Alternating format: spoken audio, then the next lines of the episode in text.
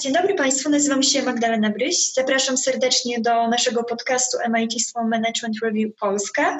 E, naszym gościem jest e, Monika Synoracka, e, partner zarządzający w SpeedUp Group i prezes Huge Think, firmy wspierającej organizacje w pracy z innowacją.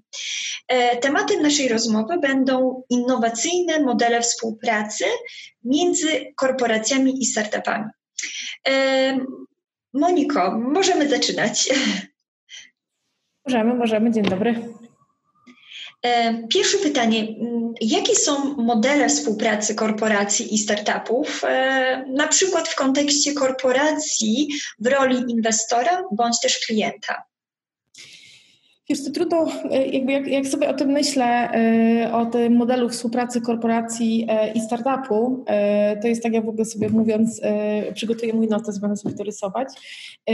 Jakby trudno mówić o takim jednym, dwóch modelach współpracy. Jakby korporacja zależnie od tego, na ile jest zaawansowana w swoim myśleniu o pracy ze startupami, na ile chce się tak naprawdę na nie otworzyć, no może chcieć współpracować z nimi z takich najbardziej prozaicznych powodów, jak powód komunikacyjny, który jest smutnym powodem, jak ja to mówię, ale jednak wciąż często wykorzystywanym, czyli chodzi o to, żeby w kontekście startupów pozyskiwania innowacji się pokazywać, czyli mamy komunikację.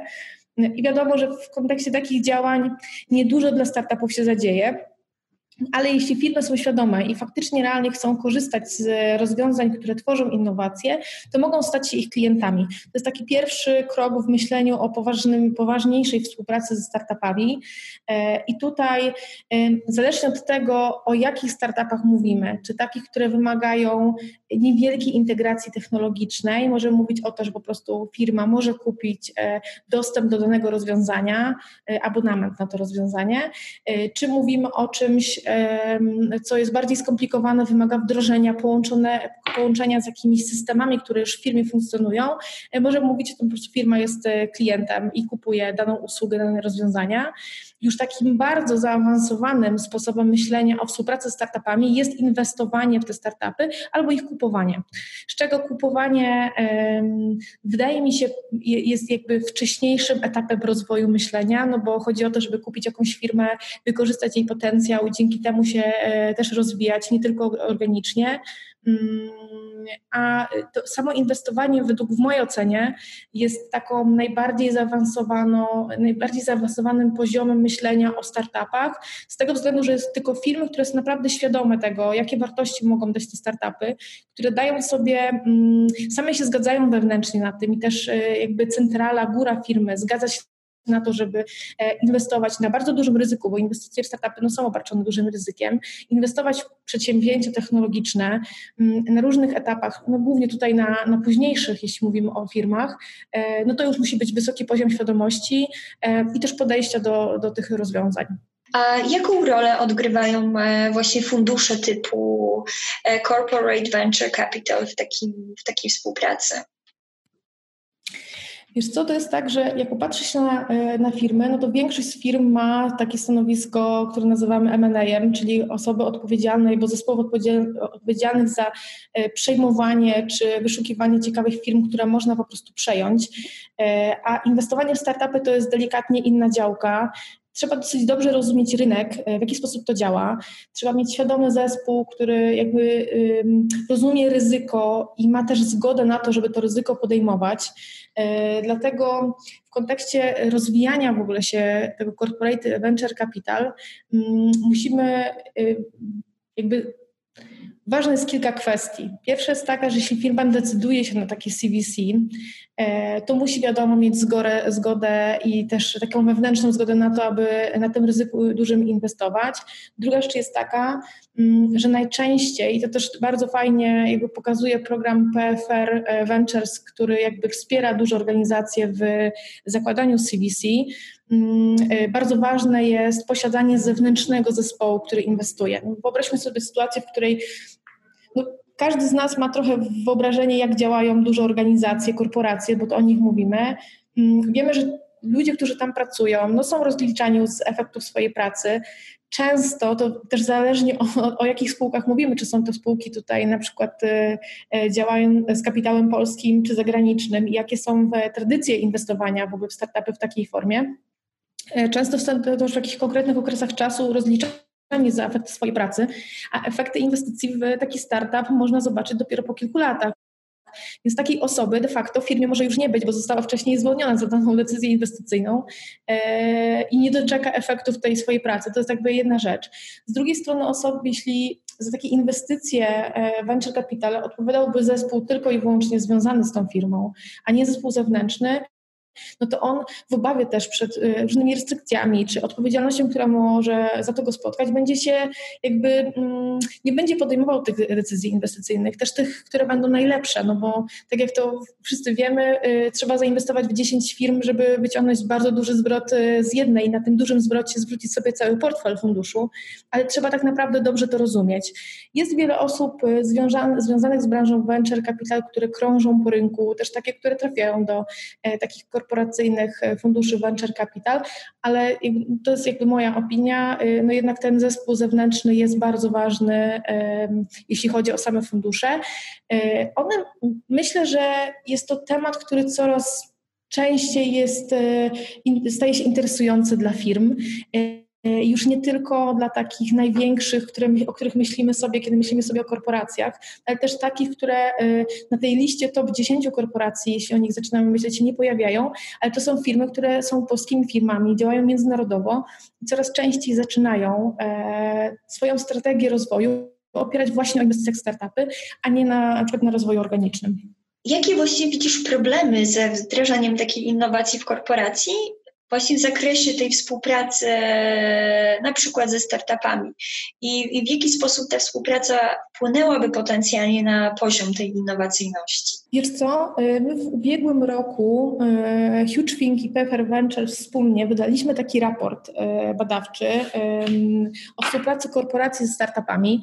Przygotowując się do tego raportu przeprowadziliśmy badania jakościowe w największych jakby korporacjach, które działają w Polsce. Mm, podzieliliśmy je tak, abyśmy mieli różnego rodzaju korporacje, zarówno te, które mają kapitał publiczny polski, jak i te, które działają w Polsce, mają polski kapitał, jak i te, które są częściami globalnych koncernów. I jakby pracując nad tym raportem, e, zmapowaliśmy sobie takie kluczowe czynniki, które wpływają na e, sukces tej pracy z innowacją. Jest ich kilka.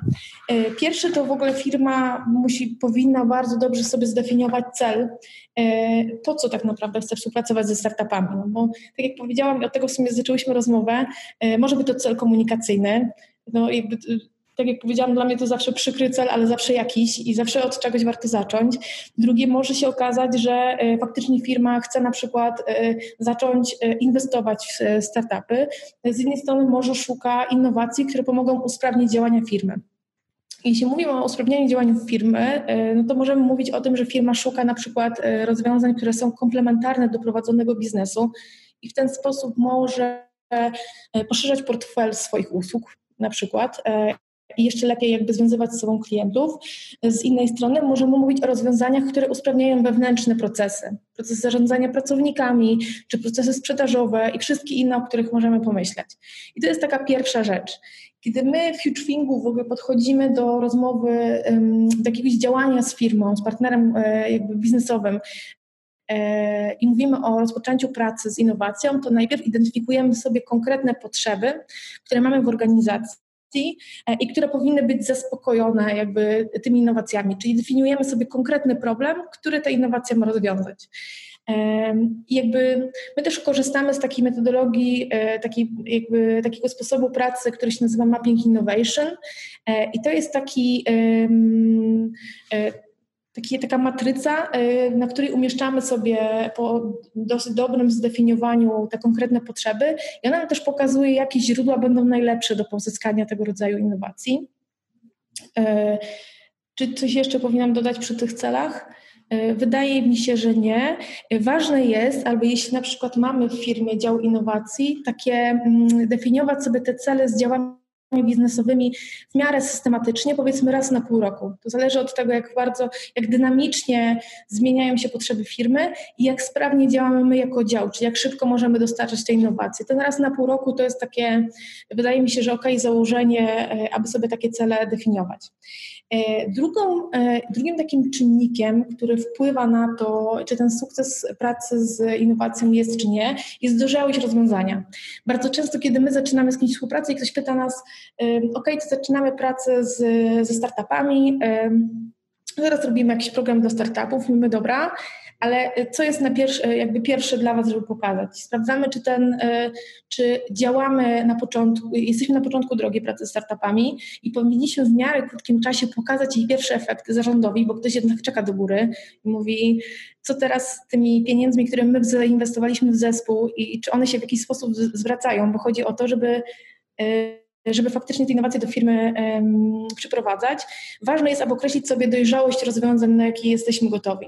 Czyli czy firma chce e, po prostu wspierać młodych przedsiębiorców. To jest bardzo często związane z tymi działaniami na początkowym etapie e, i kiedy mamy cele komunikacyjne, że po prostu wspieramy przedsiębiorców. Może robimy sobie rekonesans na temat tego, jakie pomysły chodzą ludziom po głowach e, i co, co w trawie piszczy tak naprawdę.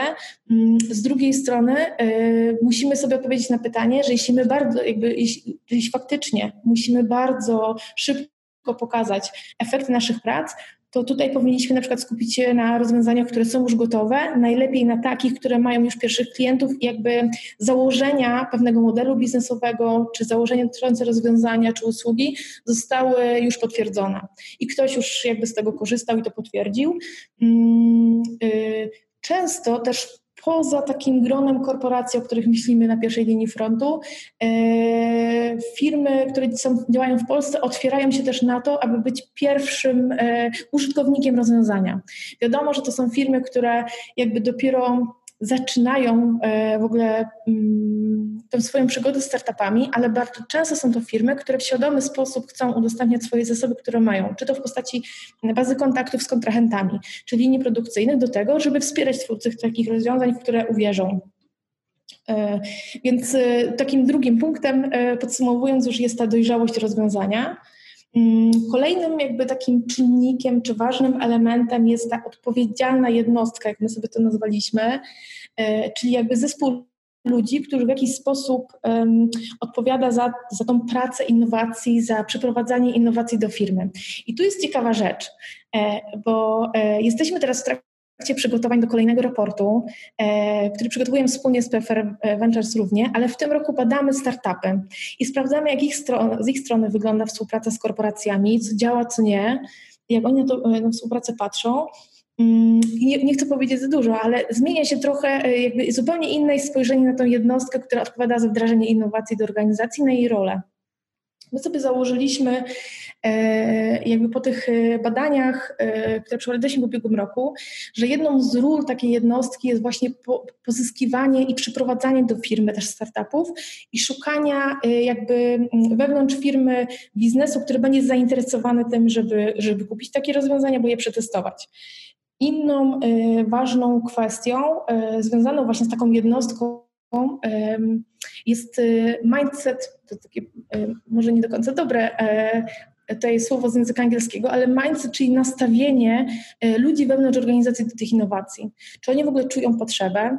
Czy ktoś im powiedział, że te innowacje niekoniecznie jakby celem ich wdrażania jest to, żeby e, zwolnić trochę osób i usprawnić procesy?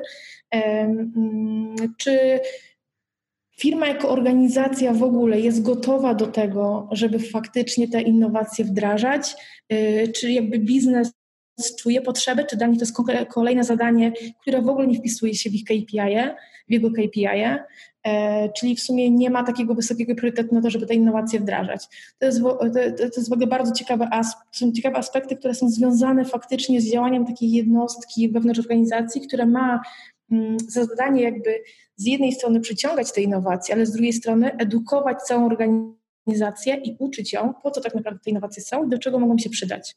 Dlaczego wszyscy tak naprawdę na tym skorzystają. I tutaj właśnie z, takimi, e, z taką jednostką jest kilka e, różnych wyzwań.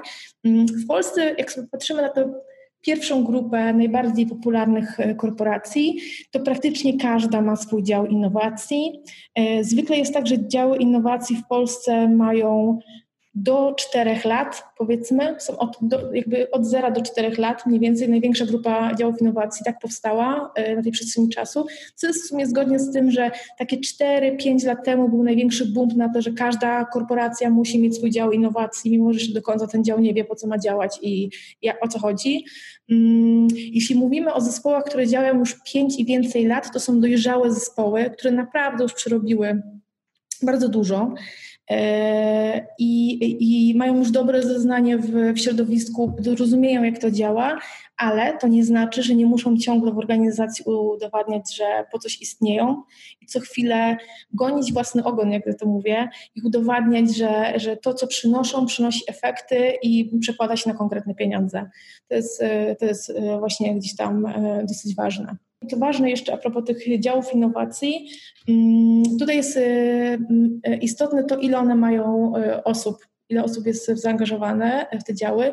W tych, które działają bardzo długo, jest to już pięć i więcej osób. W tych, które krócej, jest to jedna, dwie osoby, e, które faktycznie swoimi siłami starają się zrobić jak najwięcej. Mm, co ciekawe, wydaje mi się, że jakby co najmniej połowa czasu pracy takiej, takiej jednostki to jest faktycznie przekonywanie organizacji i staranie się edukować pozostałych ludzi z firmy do tego, że faktycznie startupy to jest dobry kierunek i może przynosić konkretny efekt. To, to co z nimi można robić. Mm, pewnym wyzwaniem jest to, e, że to zwykle, zwykle w organizacji to działy innowacji mają KPI na to, żeby wdrażać innowacje co jest pewnym wyzwaniem, no bo jak wiemy, w takiej, jak my to nazywamy roboczo, ścieżce innowacji w organizacji e, występują różne działy firmy, od prawnego, przez finansowy, dział zakupów się pojawia, zależnie o jakiej kwocie mówimy, mm, czy dział IT, to zależnie od tego, czy mamy coś integrować, czy nie. Mm, I tak naprawdę tylko ten dział innowacji, który przynosi tą innowację do środka, ma KPI na to, żeby wdrażać. Wciąż w niewielu firmach jest tak, że przykład sam biznes ma, e, ma w swoich jakby zadaniach to, żeby przynosić e, innowacje, optymalizować swój, swój obszar. To jest pewnym wyzwaniem, bo tak naprawdę tylko w interesie tego zespołu jest to, żeby faktycznie to się kręciło i żeby szło w miarę sprawnie. Y, to jest rzecz, która jest cały czas do zrobienia. Mm, do tej pory spotkałam się z dwoma firmami, które mają tak naprawdę u pracowników na różnych poziomach y, KPI pracy z innowacją. I to jest ciekawe, to jest bardzo niestandardowe y, i bardzo rzadko spotykane. Jeśli chodzi o te działy innowacji, bo tu przy nich, przy nich jesteśmy, ważne jest umocowanie w strukturach organizacji czyli to, jak wysoko e, w hierarchii firm mamy taki dział, pod kogo on podlega.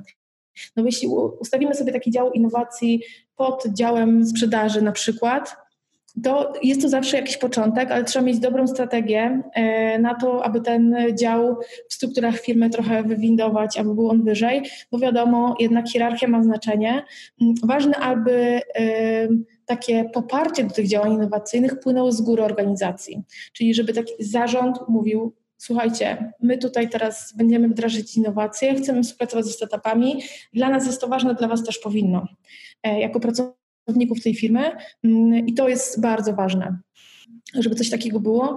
E, często jest też kluczowe na przykład przy projektach e, tworzenia innowacji, w które angażuje się pracowników.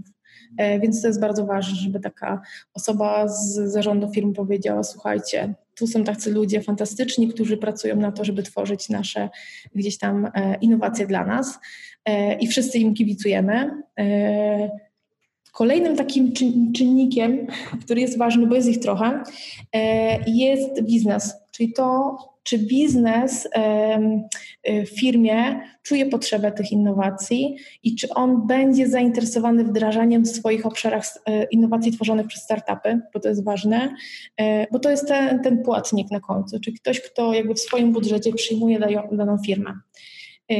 Jak sobie rozmawiamy w tym roku w ogóle ze startupami, to jeszcze bardziej, jeszcze, jeszcze mocniej niż w ubiegłym roku przy wywiadach z korporacjami widzimy, jak ważnym elementem całego procesu współpracy są procesy, czyli wszystkie pro, procesy, które wspierają współpracę startupu z firmą. Jakby rozmowy z firmą, e, z firmami o współpracy takiej biznesowej mogą trwać bardzo długo, nawet do półtorej roku. E, w ciągu półtorej roku bardzo dużo rzeczy e, może się wydarzyć. Co, co ważne, te rozmowy trwają tak długo, nie, nie zawsze ze względu tylko na, na działanie korporacji, aczkolwiek przede wszystkim to wewnętrzne procesy w firmach spowalniają cały proces wdrażania innowacji. Mm, jak rozmawialiśmy sobie, e, czy w ogóle teraz czasem rozmawiamy z różnymi e, osobami z działów innowacji, to dosyć mocno, mocnym takim mm, takim rolą albo zadaniem, które przyjmują, jest maksymalne zoptymalizowanie tej ścieżki wprowadzenia czegoś nowego do firmy, czyli e, przejścia przez konkretne weryfikacje prawne, e, compliance, e, sprawdzenia z działem IT. W ogóle bardzo często zdarza się, że to dział IT, który wydaje się bardzo blisko technologii, jest tym działem, który działa najwolniej w takim procesie i trzeba go gdzieś tam mocno optymalizować i jest trudny, bo jest bardzo oburzony. Wszyscy teraz się optymalizują i wszyscy potrzebują IT, a te działy są często dosyć duże, dosyć małe, nieduże nie i niewystarczające na potrzeby firmy. Mm, więc y, my na przykład rzeczą, którą bardzo mocno rekomendujemy, to jeśli chcielibyście e, rozpocząć e, pracę z innowacjami, to takim jednym z pierwszych kroków e, jest ustalenie takiej ścieżki innowacji w organizacji, czyli co musi się zadziać w firmie i co my musimy zrobić, żeby faktycznie móc coś e, wdrożyć, e, przetestować, a potem pomyśleć o tym, e, coś przetestować, następnie pomyśleć o tym, żeby to wdrożyć. Mm, I tutaj jakby w tym obszarze jest tak, że co firma to troszkę inne podejście. Niektóre firmy na wczesnym etapie starają się weryfikować jak najwięcej rzeczy, żeby nie zajmować czasu i biznesowi u siebie w firmie, i też startupom, czy twórcom rozwiązań. I w miarę szybko ocenić, czy współpraca w ogóle jest możliwa, a niektóre po prostu robią tak, że rekomendują rozwiązania dopiero na późniejszym etapie, sprawdzają, czy firma jest w ogóle gotowa je przyjąć od strony technologicznej. Więc tych podejść jest y, dużo. Wiadomo, że najlepszym jest to, żeby sprawdzić jak najwcześniej wszystko, e, żeby nie zawracać, nie zabierać czasu ani osobom z firmy, ani e, twórcom rozwiązania, jeśli nie jest to konieczne. Jeśli od początku można było dowiedzieć się czy sprawdzić, że integracja nie będzie możliwa, bo nikt na, to, na nią nie pozwoli, ze względów na przykład technologicznych. E, tak myślę sobie, czy coś jeszcze moglibyśmy dodać, e, jeśli chodzi o, o te czynniki. Wydaje mi się, że moglibyśmy dodać jeszcze no, kulturę innowacji, która się pojawiła przy okazji zadań działów innowacji. W firmach gdzieś coraz więcej aktywności, które, które faktycznie mają ją e, budować, mm, ale wciąż niewiele, niewielu pracowników jakby może się angażować w tworzenie, faktycznie e, mocno angażować w tworzenie innowacji, czy w ich gdzieś tam wprowadzanie. To jest rzecz, która jest e, jeszcze do zrobienia, aczkolwiek dzieje się bardzo dużo na tym obszarze. Mm, mamy ze sobą taki, e, taki właśnie case, kiedy wspólnie z PZU i mm, różnymi bankami e, realizowaliśmy serwis GEM, e, którego celem było stworzenie rozwiązań dla osób starszych i ich opiekunów. I to było fantastyczne, bo bardzo wielu pracowników w ogóle PZU chciało w ogóle wziąć w tym wydarzeniu udział i też stworzyć jakieś rozwiązania. To jest super. No to jest w ogóle mm, też pokazuje, jak ogromny potencjał jest w programach, w ramach których angażujemy pracowników w tworzenie innowacji. Wydaje mi się, że wszystkie czynniki wymieniłam. Finalne pytanie. Jak, e, Moniko, oceniasz właśnie ten ekosystem innowacji w Polsce, e, uwzględniając właśnie e, korporacje i startupy? Po części już wspomniałaś o działach innowacji i podobnie programach funkcjonujących w strukturach korporacji, jak Corporate Startup Innovation. I w jaki sposób właśnie te wszystkie działania potencjalnie mm, też jakby wpływają na tę współpracę, na, na kształtowanie takiego poziomu innowacji i w jakim, jak byś określiła innowacje, definicję innowacji dla samej korporacji, a jak e, dla startupu? E, dobra, spróbuję odpowiedzieć na, na każde z tych pytań po kolei. Mam nadzieję, że żadnego nie zapomnę. E, jeśli chodzi o ocenienie w ogóle takiego ekosystemu startupów, jakby jeśli chodzi o kontekst współpracy startupów z korporacjami, mm, to myślę, że obie strony mają jeszcze dużo do zrobienia. E, myślę, że zarówno organizacje, które, które chcą współpracować albo już współpracują, powinni cały czas pracować na tym, aby zmieniać tą kulturę e, innowacji w organizacjach. Jakby, żeby zarządy jasno wspierały, że jakby są jak najbardziej na tak z taką współpracą i to jakby, mm, że jest w firmie przyzwolenie na tę współpracę i to powinien być dla wszystkich gdzieś tam bardzo ważny element tego, co robią w firmie. Mm, myślę, że takim, e, e, taką e, dużą zmianą byłoby jednak zwiększenie mm, grona osób, które faktycznie w tych swoich KPI-ach, tak mówiąc, czy w ogóle zadaniach mają tą pracę z innowacjami. To na pewno pomogłoby w ogóle w dziale ludziom, którzy na co dzień są w działach innowacji mm, i w ich działaniach.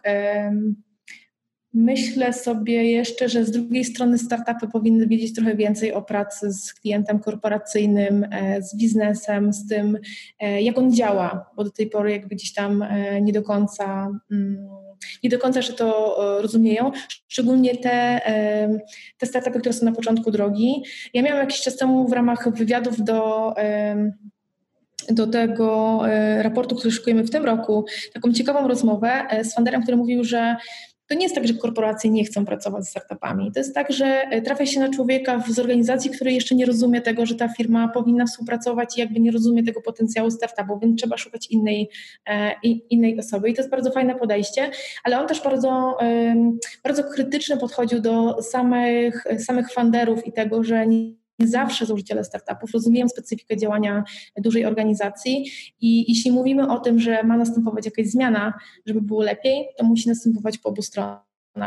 My w ogóle w tym roku pytaliśmy, e, trochę wybiegnę, ale pytaliśmy e, między innymi startupy o tym, e, o to, czy one są przygotowane do tego, żeby w ogóle pracować ze startupami. Często biorą udział w różnego rodzaju, z korporacjami, biorą udział w różnego rodzaju programach akceleracyjnych. Też większość z nich ma już swojego jakiegoś inwestora na pokładzie. I co ciekawe, mm, spora część z nich mówi, że nie była przygotowana do tego wcześniej, jeśli nie miała jakichś swoich doświadczeń korporacyjnych.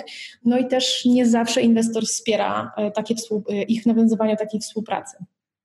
Więc to jest e, ciekawe, ale myślę, że to jest trend w ogóle rosnący. Mamy programy PARP-u, które wspierają, czyli Polskie Agencje Rozwoju Przedsiębiorczości, które wspierają jakby budowanie relacji między startupami i, i odbiorcami technologii. Myślę, że to są bardzo fajne działania, które mocno edukują. Myślę, że y, tak jak ja rozmawiam sobie z wizytami różnych wydarzeń i z różnymi firmami, y, szczególnie ostatnio miałam bardzo dużo rozmów z firmami spoza takiej pierwszej linii korporacji, o której byśmy myśleli, y, to tam jest dużo potencjał do działania, duża gotowość do tego, żeby działać, żeby lepiej zrozumieć taką współpracę. I myślę, że też bardzo dużo rzeczy na poziomie edukacyjnym będzie się działo w najbliższym czasie w tym obszarze. E, jeśli chodzi o e, Corporate Startup Innovation, jak to właśnie nazwałaś, czyli te wewnętrzne programy, w ramach których to e, pracownicy opracowują rozwiązania, mm, to ja uważam, ja jestem w ogóle ich wielką fanką i uważam, że to jest taka podstawa, która, tak podstawowe działanie, które może zmienić nastawienie pracowników do tworzenia innowacji i faktycznie może zmienić um, sposób działania pracowników i też samą organizację. Bo wyobraźmy sobie, że jeśli um,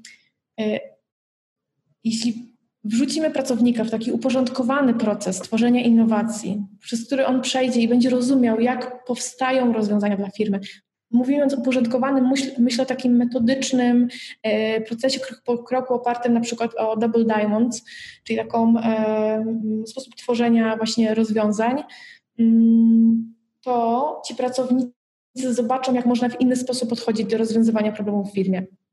I to jest tak, że na koniec takiego programu, jeśli on jest faktycznie uporządkowany, kończymy z ludźmi, którzy mają taki efekt jak na koniec e, programu akceleracyjnego dla e, osób, które dopiero zaczynają przygodę w swoim biznesie. Mówisz sobie, wow, to tak można? E, można, a co ciekawe, ci ludzie, jeśli ten proces będzie dobrze zaplanowany, mogą wrócić do organizacji, uczyć inne osoby takiego właśnie podejścia i wykorzystywać te narzędzia, które, które, które poznały w swojej codziennej pracy. Mm, jak rozmawiam e, z firmami, to mimo tego, że niewiele z nich chwali się tym, że ma takie programy wewnętrzne, bardzo dużo firm ma e, coś w rodzaju konkursów. Dzisiaj na przykład rozmawiałam o, o, o konkursie um, Akcja Innowacja, e, którą ma jedna firma. E, I takie właśnie działania pokazują, że pracownicy bardzo chętnie angażują się i też jakby kierownictwo firmy, e, czy jej zarządzające w tą firmą, e, wtedy mm, łatwiej dostrzec, że jeśli na przykład mamy firmę produkcyjną, która zwykle ma dwa różne działy, część pion administracyjny, który jest oderwany od tego e, produkcyjnego i często to są dwa różne światy, to tak naprawdę to ten człowiek na dole, na produkcji, on widzi więcej i szybciej zauważył pewne rzeczy, których zmiana usprawni pewne rzeczy, niż ta osoba z pionu administracyjnego. E, I takie programy pozwalają to zobaczyć. E, w Polsce taką firmą, która działa i której e, pozyskiwanie innowacji jest oparte głównie, głównie o tworzenie innowacji wewnętrznych jest ING. ING ma fantastyczny program z, jakby z dopasowanym do, do siebie mm, sposobem działania, czy jakby tymi narzędziami, z których korzysta, z międzynarodową jakby grupą mentorów, która wspiera zespoły, które pracują nad rozwiązaniami. To jest tak, jakbyśmy zobaczyli e, program akceleracyjny, ale biorą w nim udział pracownicy, jak pracownicy firmy i to jest super. E, myślę, że bardzo ważną, jest kilka ważnych rzeczy wokół takich programów. Bardzo ważne jest to, e, w jaki sposób ci ludzie są prowadzeni, bo czasem możemy przyjąć, że pracownicy po prostu sami wymyślają rozwiązanie i z nim przychodzą, ale to zależnie od firmy, e, czasem warto dać im wiedzę, która wesprze ich w opracowaniu rozwiązania i sprawi, że oni zmienią się też jako pracownicy i dzięki temu będą lepiej nam działać w organizacji, kiedy już do niej wrócą, albo kiedy po prostu sam konkurs czy, czy działanie się skończy. Warto zastanowić się, na co jako organizacja jesteśmy gotowi. Czy prosimy pracowników, aby angażowali się w takie działania i robili to jako po prostu dodatkowe zadanie w ramach swojego zadania pracy e, czy swoich obowiązków, czy zgadzamy się na to, żeby jakiś jeden, dwa dni w tygodniu przeznaczyli właśnie na pracę z innowacjami. E, dla mnie takim fenomenem tutaj jest e, Volkswagen Poznań, który mm, ma inicjatywę, która nazywa się Zwin Lab i w ramach tej inicjatywy przez trzy miesiące pracownicy z całego pionu firmy e, opracowują rozwiązania na, na, na, potrzeby firmy. I to jest fantastyczna sprawa. To jest w ogóle niesamowite, że firma taka jak Volkswagen, która ma dział produkcji, um, zgodziła się na to, bo pracownicy produkcji, co jest bardzo dużym wyzwaniem logistycznym, brali udział w takim programie i faktycznie tworzyli te rozwiązania na potrzeby firmy. Myślę, że to jest, jakby, to jest fantastyczne działanie. Mm, myślę sobie jeszcze, że bardzo ważne jest to, co się stanie z tymi działaniami później. Czyli jeśli na początku dobrze e, zdefiniujemy sobie wyzwania, które mamy, czyli to nie będzie konkurs, a zgłaszajcie co macie, chociaż zawsze można zrobić taką kategorię, ale jeśli faktycznie biznes wskaże realne potrzeby e, na rozwiązania, które ma. I zachęcimy pracowników do tworzenia rozwiązań w danych obszarach, to jesteśmy, zwiększamy szanse na to, że z tym rozwiązaniem, które bierzemy, coś zrobimy. Jeśli z drugiej strony pokieru, jakby damy ludziom narzędzie i wsparcie merytoryczne, zwiększamy szanse na to, że rozwiązania, które dostaniemy, będą w ogóle realne do wdrożenia albo do skorzystania. Czyli dalej zwiększamy szanse na to, że ten program będzie miał sens i też będziemy mogli pokazać, że robimy coś z rozwiązaniami pracowników. Mm, na dalszym etapie myślę, że e, bardzo ważne jest to, żeby uczyć ludzi, jak mogą ocenić wartość takiej zmiany, nad którą pracują w kontekście całej organizacji, czy jaki będzie zwrot z inwestycji. To jest, nie przyda się tylko do programu, ale też do tego, że oni jeśli wrócą do, jak wrócą do swoje, na swoje miejsce w firmie, albo też w codziennej pracy, jeśli po prostu nie muszą się z tego miejsca pracy mm, nigdzie przenosić na czas trwania takiego konkursu czy programu, będą lepiej patrzeć na działania, które podejmują i nauczą się takie, takiego oceniania.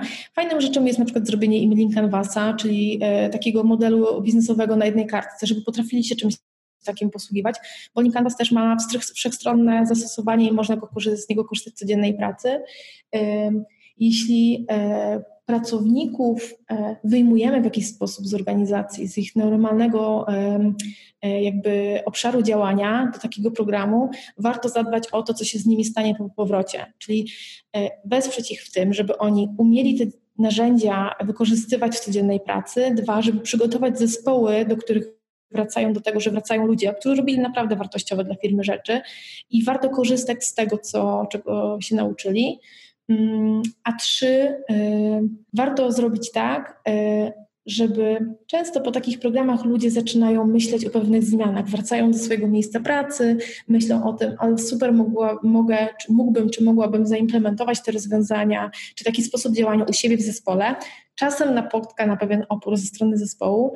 Warto od strony kadrowej e, zadbać o taką osobę, żeby móc jej zapewnić albo na przykład zmianę w ramach organizacji, albo faktycznie lepsze dopasowanie się do zespołu i wykorzystanie w, w ramach zespołu tych nowych umiejętności, żeby taka osoba nam nie uciekła z firmy. To myślę, że, że też warto o to zadbać, żeby jednak te mm, nowe zasoby, które dopiero co zdobywamy, jednak ich nie stracić. Monika, chciałabym Ci bardzo podziękować za, za niezwykle ciekawą rozmowę, za podzielenie się Twoją też wiedzą i bardzo dużym doświadczeniem E, w zakresie, w zakresie też e, wspierania właśnie tej, tego ekosystemu innowacji w Polsce e, i, i, i za Twoje takie też rady dla i zarazem dla korporacji i dla startupów. Jak, jak współpracować? Dziękuję.